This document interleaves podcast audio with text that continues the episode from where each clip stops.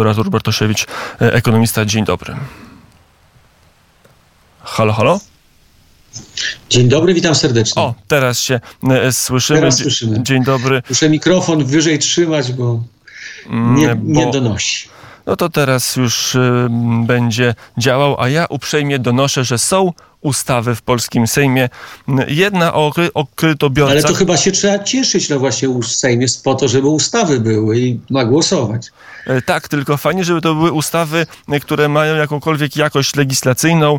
Ustawy o pomocy kredytobiorcom. Ale to, zostawi- panie rektorze, jest pan bardzo wymagający. To, to w ogóle jakość legislacyjna, 30 lat Sejmu wolnego i nikt się nie zmienił. Ale słucham. Nic się nie zmieniło. Ustawę o pomocy kredytobiorców też weźmiemy na warsztat z panem doktorem, ale to za chwilę. Najpierw weźmy ustawę, która dotyczy zamrożenia cen paliw i energii. I ona ma dwie części. Jedną tą właściwą, która zamraża ceny energii, gazu i ciepła, ale jest też druga część tej ustawie, która nie jest wymieniona w tytule, a to jest e, wielka rewolucja e, w budowie wiatraków w Polsce która dużo rzeczy zakłada, ale zanim wejdziemy w te wiatraki, to e, w ta pierwsza część jest ciekawa, bo tam jest zapis, że Orlen e, będzie musiał wyłożyć, różnie się mówi, 15-20 miliardów złotych, żeby sfinansować zamrożenie cen energii elektrycznej i gazu. Wczoraj akcje Orlenu zanurkowały, e, kilka, kilkanaście miliardów wyparowało z tej spółki w wyniku spadku wyceny akcji. No i jest pytanie, czy ktoś na tym nie zarobił, panie doktorze? Jak to jest? Znaczy, po pierwsze, nie wyparowało ze spółki, tylko wyparowało z rynku. Z rynku, E, Bo to tak jest. inwestorzy wyceniają, spółka straci, jeżeli dalej taka sytuacja będzie się działa i w wymiarze własnej wyceny może mieć problem funkcjonowania na rynku, no bo wartość takiego podmiotu, jeżeli by rzeczywiście spadała, inwestorzy mogą poczuć się niepewni e, w związku z inwestowaniem w tą spółkę, no bo jeżeli e, pomysły polityczne mogą zmieniać wartość tego podmiotu, no to mamy do czynienia z takim dziwnym krajem, bo do, to, ja chciałem podkreślić, nie pierwszy raz w Polsce to się dzieje.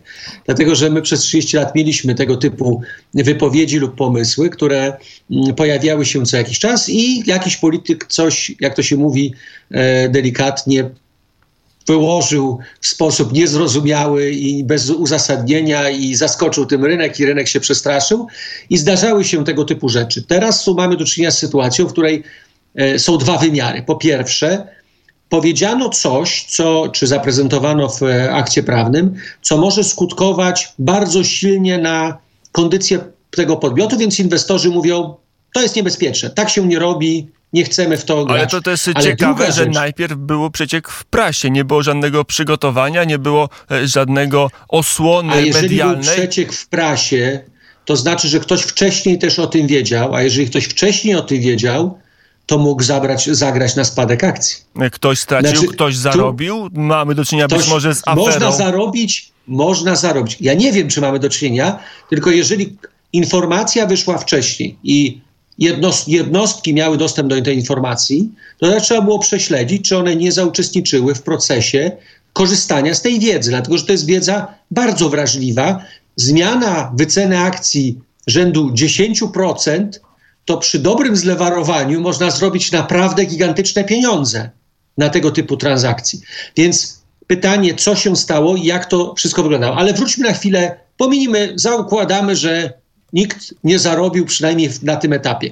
Chociaż zaczęła się zastanowić, kto stracił, bo mowa jest o tym, że oczywiście sama spółka jeszcze nie, chociaż wizerunkowo fatalnie, ale proszę zwrócić uwagę, że Orlen jest, Orlen waży. On jest istotnym podmiotem na giełdzie papierów wartościowych, to znaczy, że na gie, giełda papierów wartościowych też to poczuła, a inwestorzy zewnętrzni popatrzyli na Polskę jako na dziki kraj, który może w ten sposób zmieniać wycenę akcji. To bardzo niebezpieczne jest, bo za chwilę ci sami inwestorzy będą kupowali albo nie kupowali obligacje Skarbu Państwa, więc radziłbym politykom nie szaleć na tym polu, bo jak y, oce- ocenią nas jako dziki kraj, no to tak samo jako dzikie dokumenty, y, papiery wartościowe będą widzieli nasze, y, nasze obligacje. I wracamy jeszcze. To teraz kto stracił? Tak jak powiedziałem, Orlen waży. W funduszach inwestycyjnych, funduszach emerytalnych waży. Jeżeli ktoś będzie uderzał w Orlen, to znaczy, że też uderzy w emerytów przyszłych. bo wycena ich mm, jednostek uczestnictwa będzie niższa. Czyli ja bym naprawdę, politycy, uważajcie w co uderzacie, bo to nie jest byle kiosk za rogiem, którym możecie gazety kupić lub nie, tylko to jest bardzo duży podmiot ważący na rynku. I teraz trzecia rzecz, którą chcę poruszyć. W Polsce nie wiadomo dlaczego nienawidzimy, czy część polityków nienawidzi e, naszego giganta, a ja powiem w ten sposób. W wielkiej, w, we Francji uwielbiają swoje giganty. Danon jest uwielbiany. I nikt nie pozwoli z polityków, z polityków podnieść rękę na Danona, cokolwiek w stosunku do nas zrobić. Jest szkoła wojny, politycznej, wojny gospodarczej w Paryżu i oni co roku 50 osób, nawet do 100 się szkoli tam, żeby nauczyć się, jak walczyć na rynku, broniąc swój interes, broniąc swoje podmioty, broniąc swojego rynku, broniąc firm francuskich. A w Polsce zadziwiające, że część nienawidzi e, Orlenu, Czebola pierwszego, który w ogóle waży na rynku, jest w stanie cokolwiek zrobić. No i teraz jeszcze trzecia, kolejna rzecz. Jeżeli będzie się obciążać Orlen, to Orlen w ostatnich latach wykonuje ogromne inwestycje, uwaga, w obszarze transformacji energetycznej. Politycy, Polska jest zobowiązana z decyzjami Unii Europejskiej, Komisji Europejskiej do dokonania takiej transformacji, do, do obrony przed zmianami klimatycznymi, do e, uzyskania neutralności e, emisyjnej. I na to zwróćcie uwagę. I tak naprawdę Orlen jest jednym z największych inwestorów w tym obszarze i wykonuje przygotowanie związane z transformacją. Wstrzymamy, będziemy mieli problem. Orlen też ma swój udział w budowie elektroenergetyki jądrowej. Ja rozumiem, że można nie lubić energetyki jądrowej, bo ktoś inny to lubi, E, i czy nie lubi, jakby w Polsce powstało. Ale to jest zrównoważenie OZE, bo za chwilę też o OZE i o wiatrakach pewno porozmawiamy. O, na pewno. I muszą być systemy energetyki jądrowej, żeby zrównoważyć, ustabilizować system. I jeszcze ostatnia rzecz, panie rektorze, mi się nie da przerwać. Ostatnia rzecz. Drodzy Państwo, jest coś takiego jak prawo wspólnotowe. Traktat wspólnotowy. Bardzo Polsce dużo politycy mówili o konstytucji, o Unii Europejskiej, o wszystkim. Potrafią mówić w teorii, ale z praktyką jest trudniej, trudniej zagrać. Artykuł 107 ustęp 1 Traktatu o funkcjonowaniu Unii Europejskiej mówi o sytuacjach transakcji między państwem, władzą, a uczestnikami rynku. I tak jak można komuś pomóc, tak można komuś zaszkodzić. Czyli taki mechanizm selektywności, który spowoduje, że komuś się zrobi lepiej, a innym gorzej, jest niedopuszczalny na rynku. I odwracając to, jeżeli komuś się zrobi gorzej, a przez to się innym zrobi lepiej jego konkurentów, to to jest niedopuszczalny mechanizm pomocy publicznej.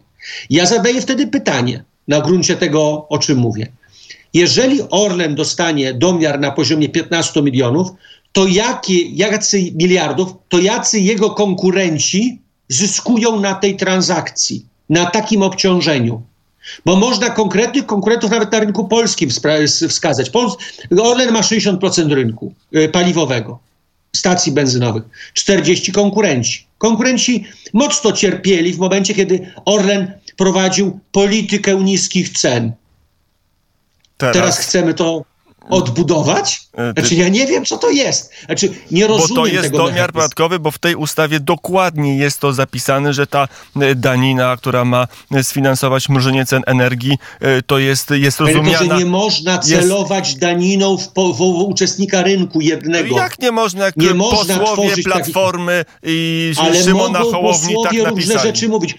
Drodzy Państwo, Komisja Europejska, usłysz to, co jest mówione Prawdopodobnie, jeżeli zrobi się to, to Komisja Europejska, jeżeli rzeczywiście pracuje nad poszczególnymi państwami na takich zasadach, jak dotychczas nad nami pracowała, to nałoży na Polskę karę.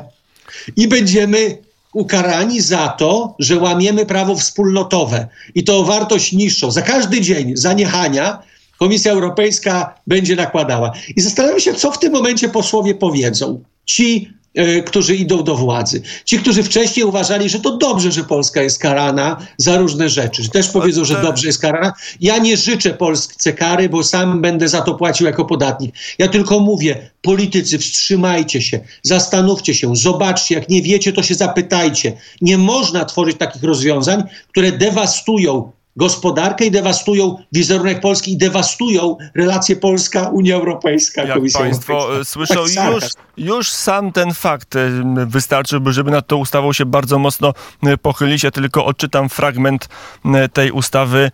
Gazowa składka na fundusz wypłaty różnicy cen przekazana przez przedsiębiorców wydobywające gaz ziemny, czyli tylko i wyłącznie koncert Orlen, bo de facto tylko on w dużych wolumenach wydobywa gaz w Polsce, jest rozumiana jak, od tego podmiotu jako koszt uzyskania przychodów w rozumieniu ustawy o podatku dochodowym od osób prawnych, czyli domiar podatkowy na Orlen, ni mniej, e, ni więcej. E, Sam ten fakt, że ta informacja pokazuje się najpierw e, w Zastanawiam się, mediach, panie a dopiero nad potem w jedną- druku e, spadek na giełdzie, to już wszystko jest e, temat Panie na dużą rektorze, ja zastanawiam się, czy inwestorzy, inwestorzy, którzy posiadają akcje Orlenu, nie pójdą przeciwko państwu polskiemu do sądu za utra- stracone korzyści. Bo ja bym to zrobił, ja nie mam akcji, ale zrobiłbym to w momencie, kiedy państwo podejmowałoby decyzje, które skutkowałyby utratą wartości inwestycyjnej korzyści w tym zakresie. W Europie wobec państw Unii Europejskiej inwestorzy potrafili wychodzić. Żebyśmy nie skończyli w sądzie przeciwko grupie inwestorskiej i żebyśmy się nie tłumaczyli jako państwo, że robimy coś na szkodę rynku, bo od lat próbujemy budować dobry wizerunek. Tak jak pamięta pan rektor, jak zaczęto podważać w ostatnich kwartałach sytuację finansów publicznych. Mówiłem i na antenie również Radia Wnet. Nie mówcie tego politycy, bo za chwilę będziecie musieli plasować dług publiczny, dług polski publiczny na rynkach międzynarodowych w wymiarze obligacji. Nie mówcie, bo będziecie odwracać tą logikę. Tak samo i tu. Jeżeli będziecie robić tego typu dziwne zagrania, to one objawią się brakiem zaufania. A brak zaufania to jest najgorsze, co może nas spotkać, bo wtedy tak naprawdę tego długu nikt nie kupi. To jest pierwsza część naszej rozmowy. Naszym gościem dr Artur Bartoszewicz, ekonomista, wykładowca akademicki. A Państwo tej rozmowy mogą słuchać i także ją oglądać na kanale YouTube tylko dzięki i wyłącznie naszym patronom na portalu patronite.pl kośnik Radio Wnet to hojność naszych patronów umoż- umożliwia nam takie audycje, umożliwia nam wnikliwe rozmowy o tym, jakie akty prawne są szykowane w polskim parlamencie pod nową większością.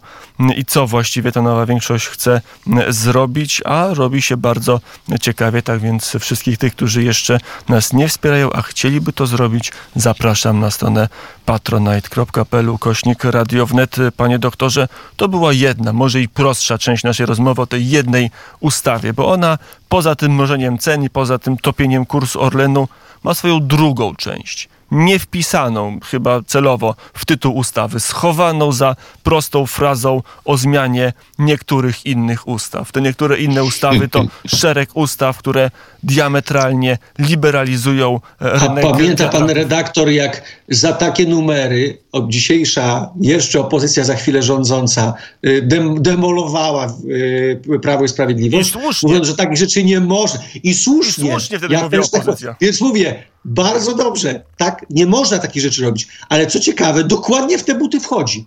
Ja pamiętam kilka razy i kilka miesięcy temu rozmawialiśmy również na tym, jak będzie zachowywała się nowa władza. Ja mówiłem, nic się nie zmieni, będzie dokładnie, patologie wszystkie będą takie same. Ale może, ja, nie ja oczekuję, twierdzę, że będzie gorzej, Nawet będzie jeszcze, może się okazać, że będzie weselej. bo Na ta, razie gorzej zobaczymy. Na razie już, już jest weselej. Zobaczymy, czy będzie gorzej. bo ta ustawa, o, o ile PiS y, starał się najpierw blokować, być może za bardzo energetykę wiatrową, być może w sam raz, potem na końcówce trochę ją zliberalizował, ale ten projekt ustawy to jest de facto ustawa wywłaszczeniowa.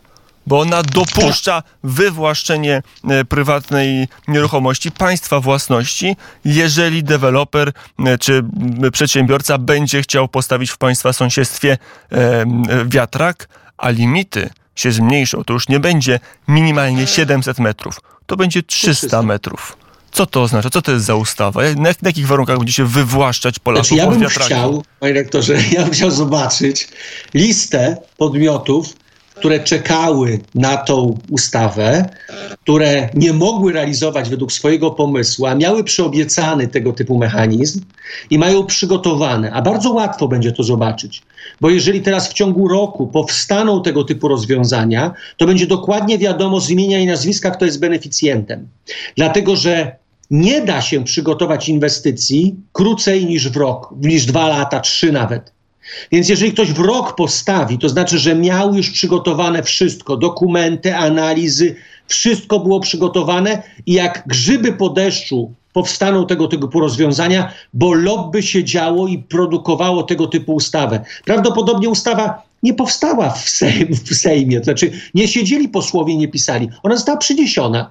Tak jak, przy, jak ja mówiłem wielokrotnie, przynoszą do Sejmu y, y, ustawę bankierzy, bankersi, przynoszą. Taki tutaj deweloperzy przynoszą. Taki tu deweloperka energetyczna przyniosła swoje rozwiązanie i prawdopodobnie może rok, dwa temu już pracowano nad taką koncepcją, a teraz jest na szybko robione, bo trzeba zrealizować zobowiązania. Dla mnie to jest skandal. Znaczy, takich rzeczy nie ma. Taka ustawa powinna być mocno dyskutowana. I nawet jeżeli robimy taką zmianę, niech będzie, to ona powinna dać szansę dla wszystkich. Powinna mieć bardzo długie wak legis, żeby dać możliwość dostosowania się dla wszystkich uczestników. A jeżeli jeszcze w tym jest kwestia wywłaszczeniowa, no to ja bo mocno bym się nad tym zastanowił, czy takie, takie rzeczy nie łamią innych obszarów praw, które w tym momencie są już nabyte. Wywłaszczenie będzie na prostej zasadzie. Y, ta ustawa w, w swoim szóstym, w, w zmianie dziewiątej, która zmienia artykuł szósty ustawy o, mm, o budowie wiatraków, ustawy o OZE, y, mówi wprost. Przy wydawaniu decyzji o warunkach zabudowy i decyzji o lokalizacji inwestycji celu publicznego lub czasopisma dodaje się i decyzji o lokalizacji inwestycji celu publicznego i w takim wypadku budowa wiatraku przez prywatnego przedsiębiorcę staje się inwestycją celu publicznego, a taka inwestycja ma swoje prawa. Ma swoje pierwszeństwo. Ale oczywiście, panie że to, to jest zadziwiające. Znaczy, jeżeli dojdziemy do sytuacji takiej, ale to tylko pokazuje, jaka jest siła lobby. Jaka jest siła w Polsce lobby grup, które potrafią przekonać do zjawisk nadzwyczajnych. Tylko ja nie wierzę, i teraz tutaj powiem coś, co może być dyskusyjne, ale ja nie wierzę, że to są polscy przedsiębiorcy indywidualnie, małe, średnie podmioty. To nie to, nie to lobby decyduje. To decydują wielkie korporacje e, zagraniczne, które mają plany związane z realizacją inwestycji, mają pokupowaną ziemię w konkretnych lokalizacjach i teraz, aby to zrealizować, trzeba zmienić prawo, bo uroda działki nie odpowiada przepisom prawa, więc prawo trzeba zmienić, a nie działkę, bo inwestycje zostały zrealizowane. Więc poczekajmy, jaki to wielki koncern międzynarodowy, najprawdopodobniej niemiecki, uplasuje się w Polsce, dokładnie korzystając z tej ustawy i będzie realizował cel publiczny. Znaczy, drodzy Państwo, my sobie nie potrafimy poradzić z elektrownią atomową od tylu lat, ale okazuje się, że jeżeli mamy komuś ukłon dać e, dla energetyki odnawialnej, co już widzimy w mediach i widzimy też u ekspertów. Drodzy Państwo, żaden recykling, e, wiatraka nie jest możliwy. To jest najbardziej trudne do, no, do, do, do gromadzenia jako odpad. To w ogóle się nie rozkłada. To będzie Widziałem jedną rzecz ciekawą. W Polsce ktoś się cieszył, że zrobiono ze skrzydeł wiatraka most z niemieckich odpadów. Mostek taki do przechodzenia nad rzeką. Drodzy Państwo, my będziemy składowiskiem takich odpadów i będziemy, za chwilę będzie jakaś nowa technologia, z którą, której się wiatraki, będzie trzeba wycofać się z wiatraków, ale dla nas się tych wiatraków postawi, będzie się tłumaczyło, że przez ileś lat musimy z tym żyć. Zdewastujemy sobie krajobraz, już to robimy. Jeżeli przy parkach narodowych, krajobrazowych może być postawione, to my już nic nie będziemy mieli. Do 300 metrów? Wszystko zostanie za za, zabudowane. A żeby było śmiesznie, to Państwo myślą, że śmieszniej być nie może. Proszę Państwa, może być jeszcze zabawniej, bo czytam listę posłów, którzy się pod tym projektem podpisali. To są e, w większości posłowie klubu Koalicji Obywatelskiej z Borysem Budką na czele. Co ciekawe, Donald Tusk się nie podpisał. Nie wiem, czy przezornie, czy, czy, czy nie, ale są tutaj też przedstawiciele partii zielonych, partii, która dba, która dba o klimat, która e, chroni parki narodowe, parki krajobrazowe, ale wiatrak w odległości 300 metrów od, os, od parku to już im nie przeszkadza. To jest dość ciekawe. Zielony wiatrak, jak się wiatrak pomaluje na zielono, jest bardziej e, istotny i ważny dla serca partii zielonych niż e, Park Narodowy Krajobrazowy. Być może, że nie chodzi o drzewa, chodzi o to, żeby był zielony wiatrak. Jeszcze ta, ta ustawa ma tyle, że nie omówimy ich wszystkich mankamentów tej ustawy wiatrakowej, a jedno tylko wyjaśnię, jako dziennikarz, który w parlamencie siedzi, trochę lat już spędził, po co to jest robione?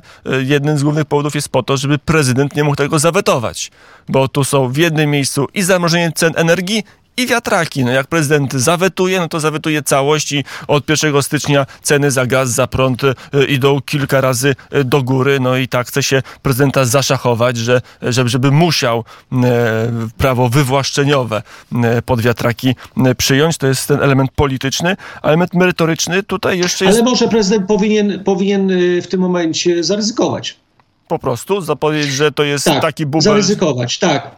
tak no ale wtedy powie Tusk, się... to przez prezydenta Dudę macie trudno, wyższe Trudno, rachunki. trudno, trudno, trudno, ale pytanie tak naprawdę, co powinien dzisiaj robić prezydent? Znaczy prezydent jest y, tą przestrzenią decyzji, która może zatrzymać y, modele zmiany, które są bardzo niebezpieczne i dla demokracji, i dla gospodarki społeczeństwa. Więc ja uważam, że e, na miejscu prezydenta mocno bym rozważył e, nawet pójście na udry, tym bardziej, że prezydent już ma drugą kadencję. Prezydent nie walczy o trzecią.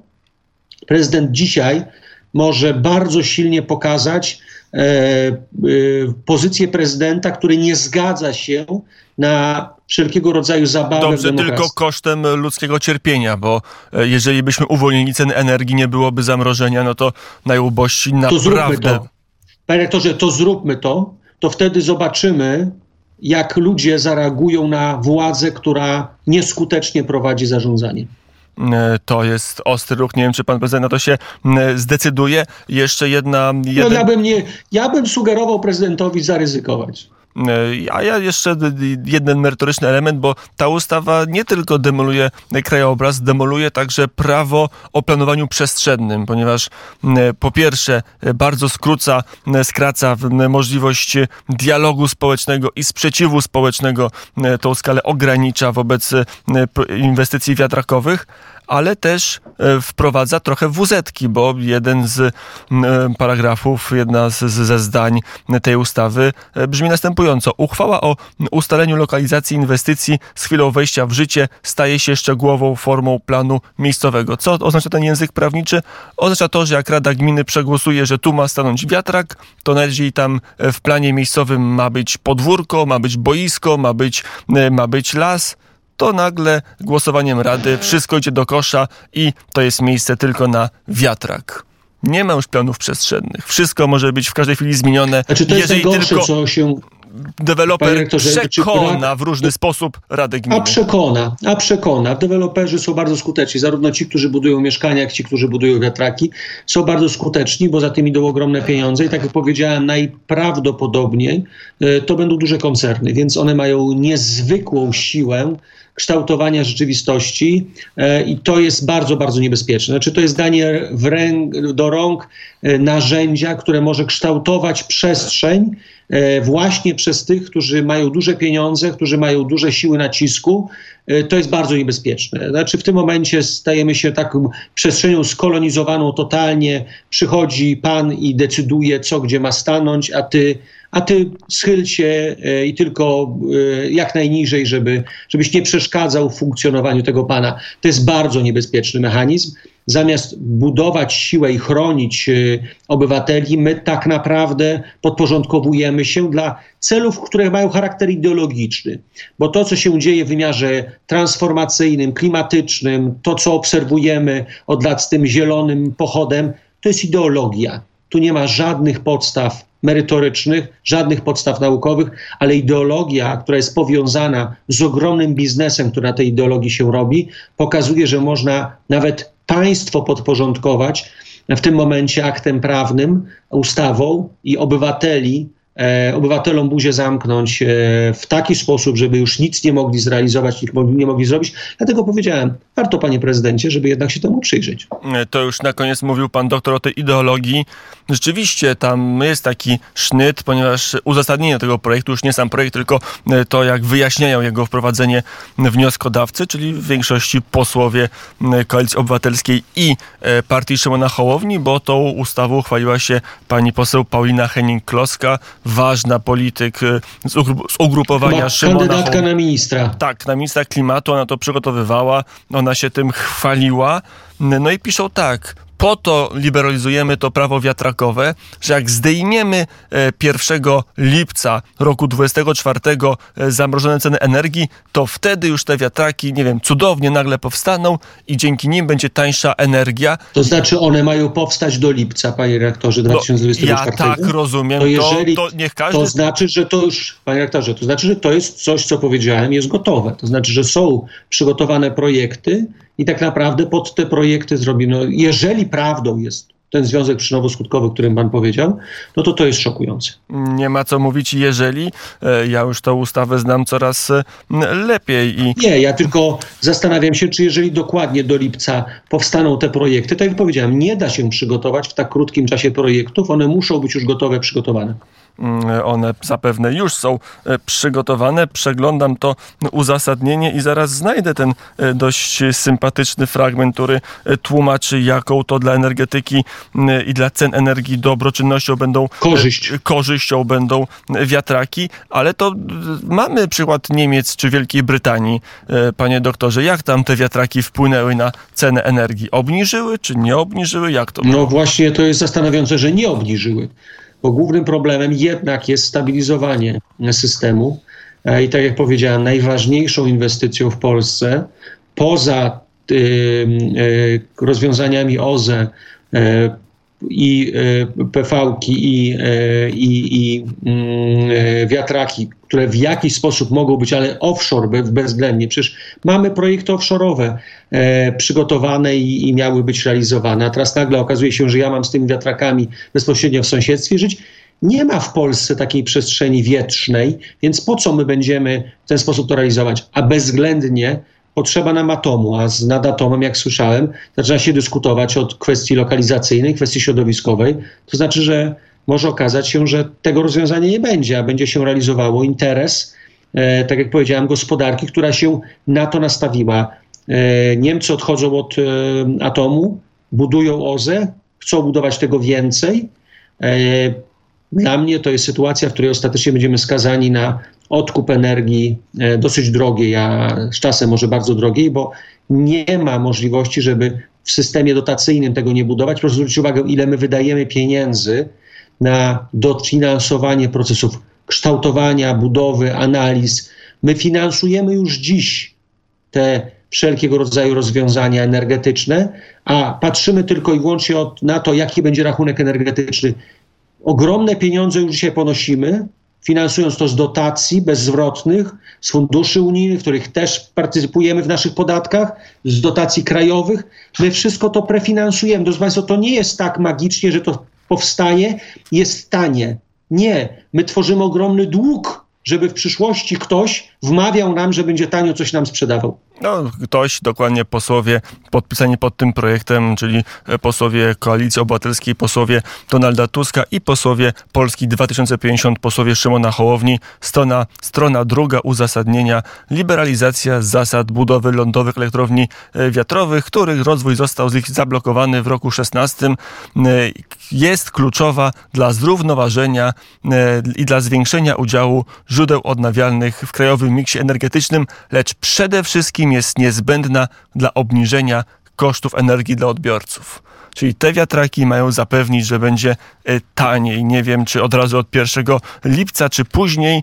Jak się patrzę na cenę energii w Niemczech, czy w Wielkiej Brytanii, to nie wiem, czy teza, że e, ilość wiatraków i energii z wiatru e, obtania cenę prądu jest prawdziwa, czy fałszywa, panie doktorze.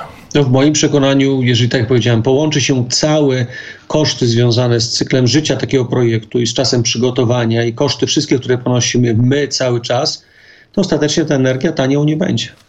A propos kosztów i energii, dobra informacja, uczciwa informacja i wnikliwa informacja. Niezależna też e, kosztuje tą rozmowę.